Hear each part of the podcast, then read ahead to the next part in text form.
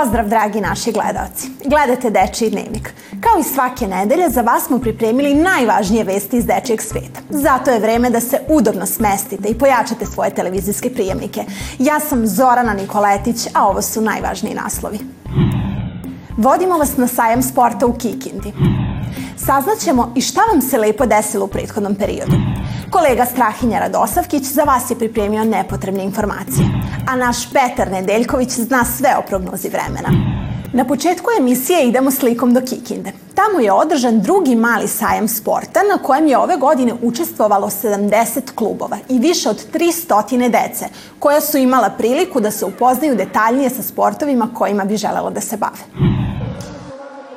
Mali sajam sporta u Kikindi ponudio je deci koji još uvek nisu odlučila kojim sportom žele da se bave priliku da se detaljnije upoznaju sa svim lepim vrednostima koje pruža bavljanje fizičkom aktivnošću. Ove godine na desetoj manifestaciji u našoj zemlji, a drugoj u Kikindi, predstavilo se više od 70 klubova. Volim plivanje zato što uh, privlači me. Mislim da je ovo super ovaj mesto da bi naučili za neke nove sportove i da trebaju se baviti sportovima. Bavim se rukometom zato što bi ja volio da ojačam i da jednog dana e, budem uspešan u tome.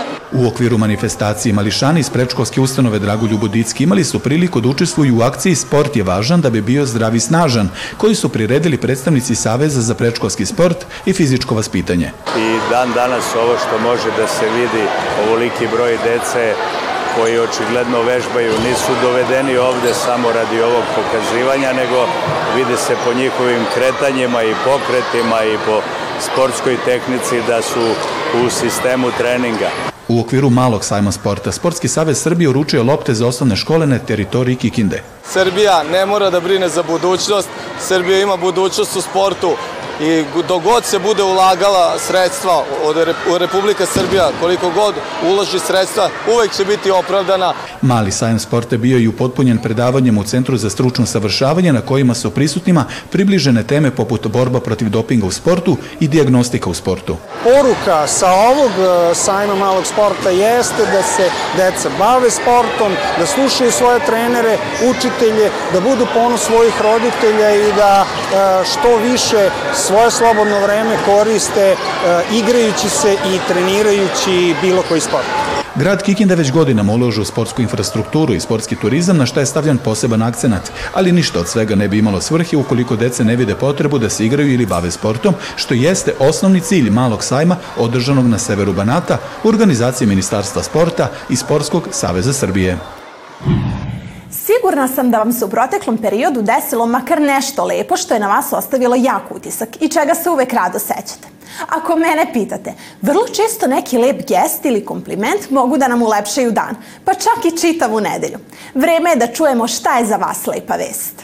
Za mene je lepa vest da sam slavila rođendan sa drugarima. Za vikend smo bili e, na Smederevskoj tvrđavi i putovali smo sa drugarima I to je lepa vest za mene i vidjeli smo puno stvari. Najlepša vest je da sam dobila sestru prošle godine. Za mene je lepa vest što sam pre mesec dana dobio novi teniski reket. To što naša reprezentacija će otići na evropsko prvenstvo. Lepa vest mi je to što sam pre neki dan za vikend pobedio utakmicu 5-3 i dao sam gol. A sada je vreme za nedeljnu dozu nepotrebnih informacija. Možda ponekad pomislite, bože, ne mogu da zapamtim ni informacije koje su mi potrebne, a kamoli one koje nisu važne. Sigurna sam da bi vas naš kolega Strahinja ubedio u suprotno. Možda se zovu nepotrebne informacije, ali nikad se ne zna kad će vam zatrebati. Zato predlažem da pažljivo pogledate šta nam je kolega Radosavkić pripremio za danas. Zdravo svim našim radozalim gledalcima. Za danas sam pripremio nešto malo drugačije, tako da ćemo danas pričati o nekim istorijskim činjenicama. Ne brinite jer sam izabrao samo one najzanimljivije. Najduža građevina na svetu koju je napravio čovek je kineski zid. Dugačak je 8851 metar i star je preko 2300 godina.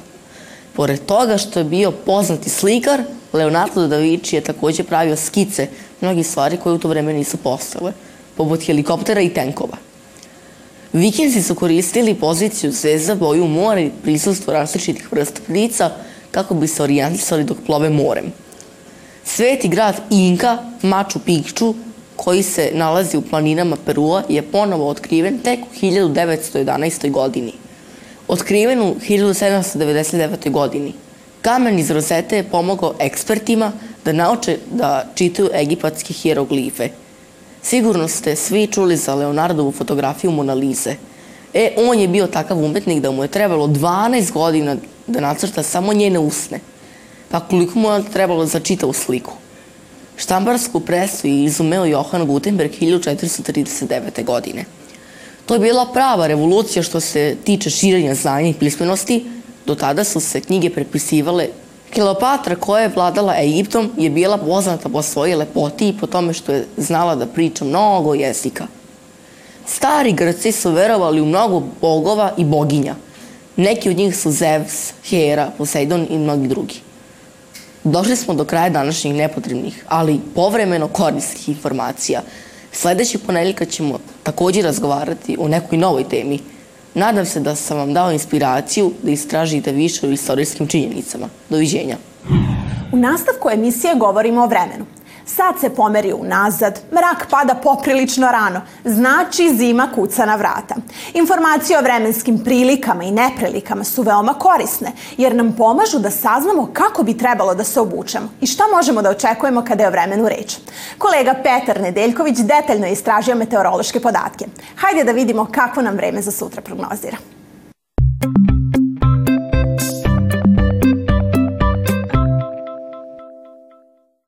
Pozdrav i od mene. Vreme je da saznate šta sutra možete da očekujete kada je o vremenu reč. Imam za vas prilično dobre vesti. Sutra treba da očekujemo smenu sunca i oblaka. Mada mislim da će više biti sunca, što je odlična vest. Ako hoćete detaljnije, temperatura će biti oko 13 stepeni. Znači, ipak se dobro obucite pre polaska u školu. Vidimo se uskoro sa novim informacijama o vremenu.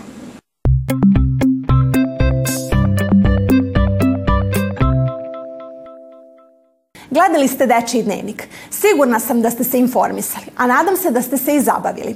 Ukoliko ste nešto propustili, trk na naš zvanični YouTube kanal i na portal odloženog gledanja.